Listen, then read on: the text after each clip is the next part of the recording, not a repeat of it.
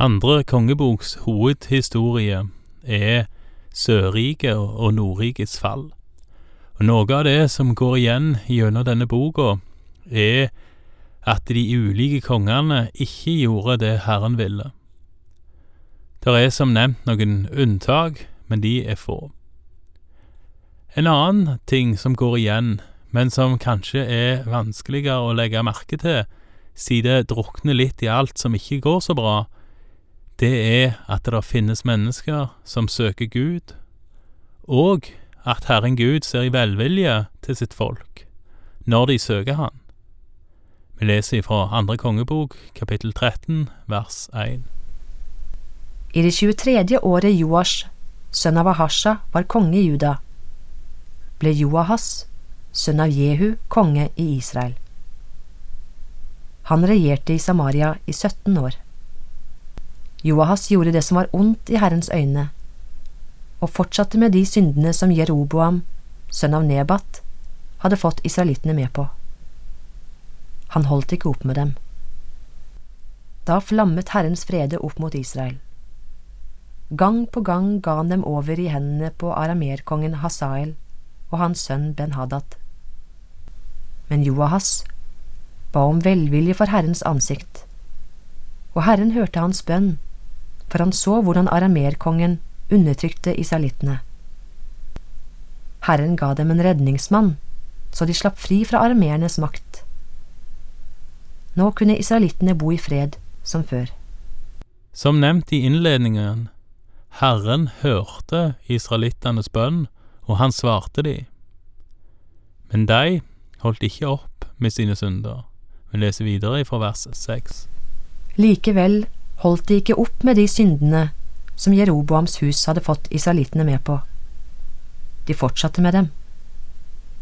Til og med Asherastolpen ble stående i Samaria. Joahas hadde ikke mer igjen enn 50 ryttere, ti vogner og 10 000 fotfolk.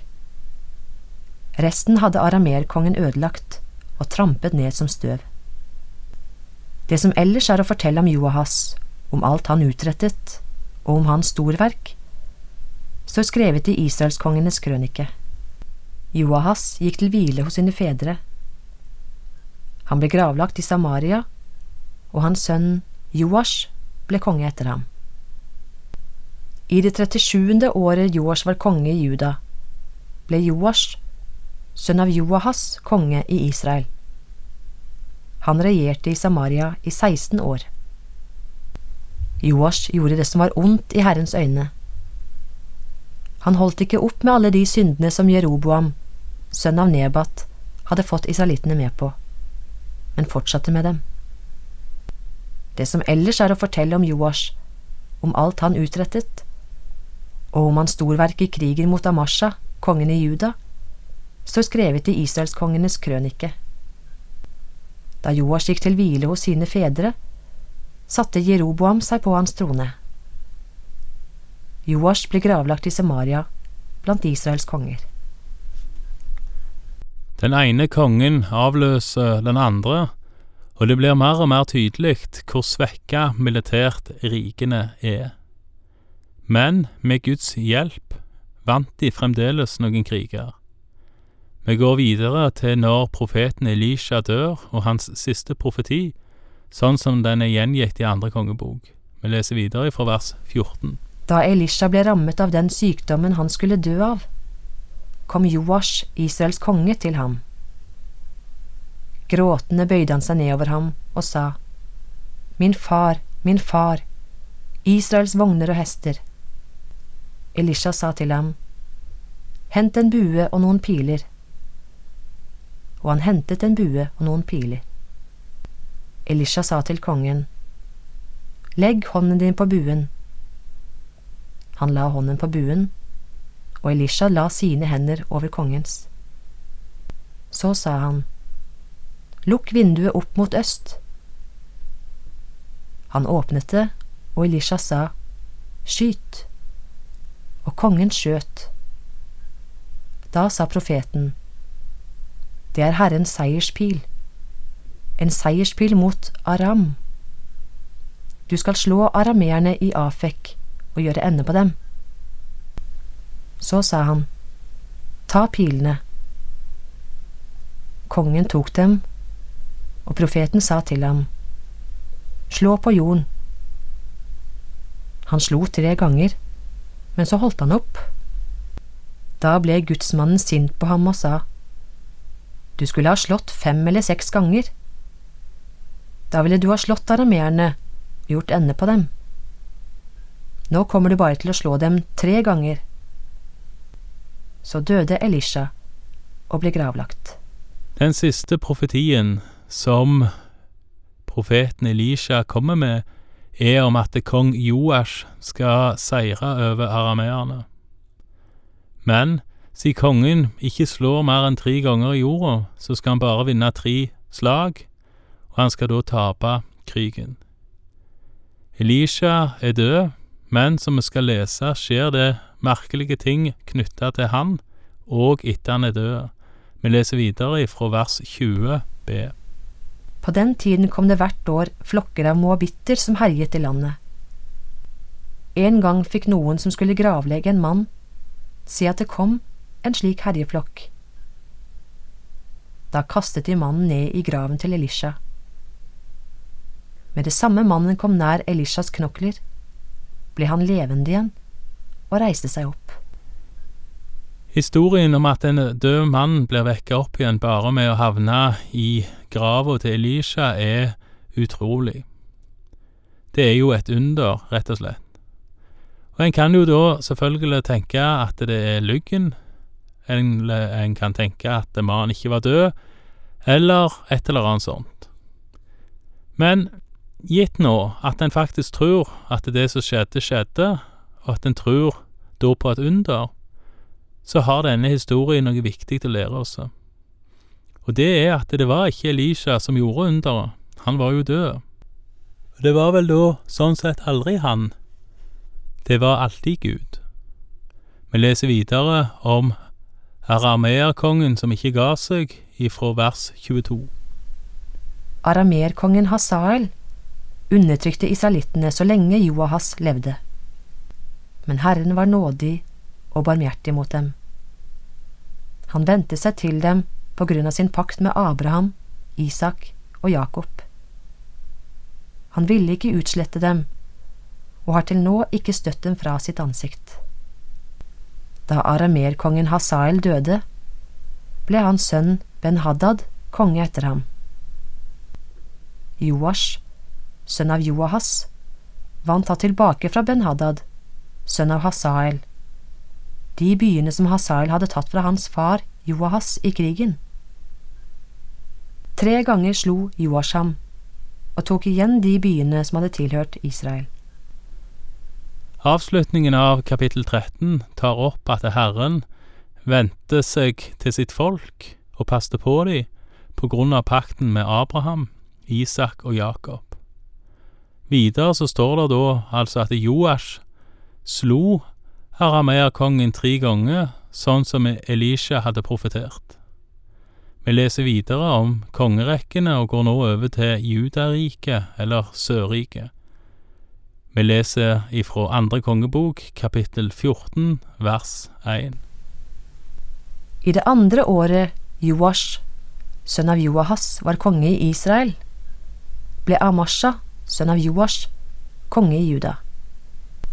Han var 25 år gammel da han ble konge, og regjerte i Jerusalem i 29 år.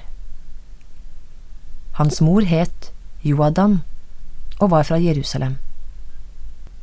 Amasha gjorde det som var rett i Herrens øyne, men ikke helt som sin stamfar David. Han gjorde alt slik som Joash, hans far, hadde gjort, men offerhaugene ble ikke nedlagt. Folket fortsatte å ofre og tenne offerild på haugene. I Sørriket så går dette igjen, at eh, konger starter bra, at de går på Herrens veier, men at de ikke tar tak i avgudsdyrkelsen, og dette med offerhaugene var sånn sett et vedvarende problem. En kan jo da spørre seg sjøl om en sjøl har sånne offerhauger, altså ting i eget liv en vet er i strid med Guds ord, men som en likevel velger å ikke ta tak i. Vi leser videre fra vers fem.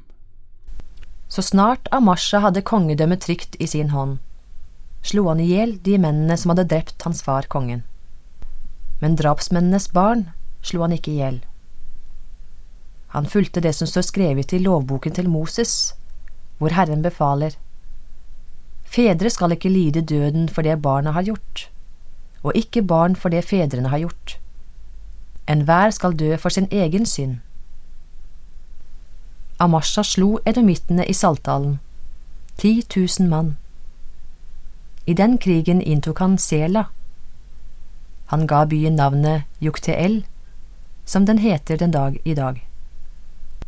På den tiden sendte Amasha bud til israelskongen Joash, sønn av Joahas, sønn av Jehu. Kom, la oss kjempe ansikt til ansikt, sa han. Men Joash, kongen i Israel, sendte dette bud tilbake til judakongen Amasha. Tistelen i Libanon sendte en gang bud til sedertreet i Libanon og sa, La min sønn få din datter til kone. Men et av villdyrene i Libanon kom forbi og trampet tistelen ned.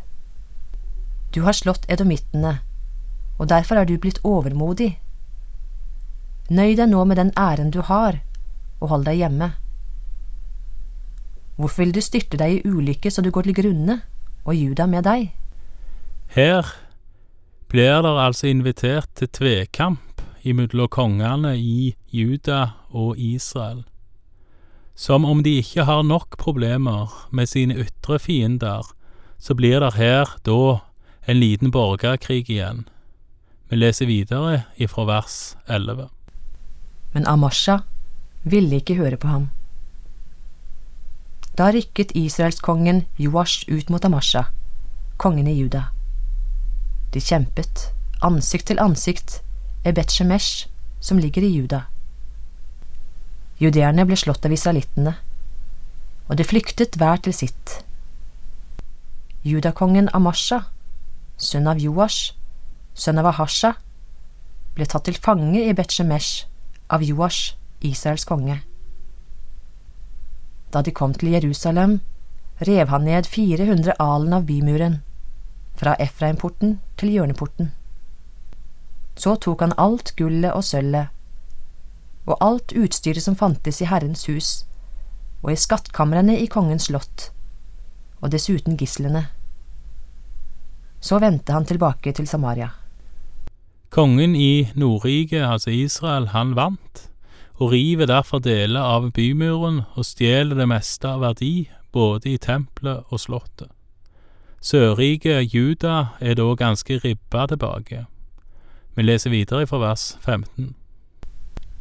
Det som ellers er å fortelle om Joash og alt han utrettet, om hans storverk i krigen mot judakongen Amasha, står skrevet i israelskongenes krønike. Joash gikk til hvile hos sine fedre. Han ble gravlagt i Samaria hos Israels konger. Hans sønn Jeroboam ble konge etter ham. Judakongen Amasha, sønn av Joash, levde 15 år etter at Israels konge Joash, sønn av Joahas, var død. Det som ellers er å fortelle om Amasha, står skrevet i judakongenes krønike. De fikk i stand en sammensvergelse mot ham i Jerusalem. Da flyktet han til Lakish, men de sendte folk etter ham og drepte ham der. Han ble brakt tilbake til Jerusalem på hesteryggen og gravlagt hos sine fedre i Davidsbyen. Hele folket i Juda tok Asarja, som da var 16 år gammel, til konge etter hans far Amasha. Det var han som vant byen Eilat tilbake til Juda og befestet den, etter at kongen var gått til hvile hos sine fedre. Som tidligere nevnt, konger i Sørriket, de blei òg myrda men der er det alltid sønnen som blir satt inn som konge, samme hvor rart det kan virke. Det gjør at kongsrekka for David er intakt i Sørriket, gjennom hele kongebøkene. I Nordriket så blei den brutt med en gang med kong Jeroboam. Nå skal vi lese om en annen kong Jeroboam i Nordriket. Vi leser videre fra vers 23. I det femtende året av Masha, sønn av Joash, var konge i Juda. Ble Jeroboam, sønn av Joash, konge i Israel. Han regjerte i Samaria i 41 år. Jeroboam gjorde det som var ondt i Herrens øyne, og holdt ikke opp med de syndene som Jeroboam, Nebats sønn, hadde fått israelittene med på. Han vant tilbake landområdet som hadde tilhørt Israel, fra Lebo Hamat til Arabasjøen.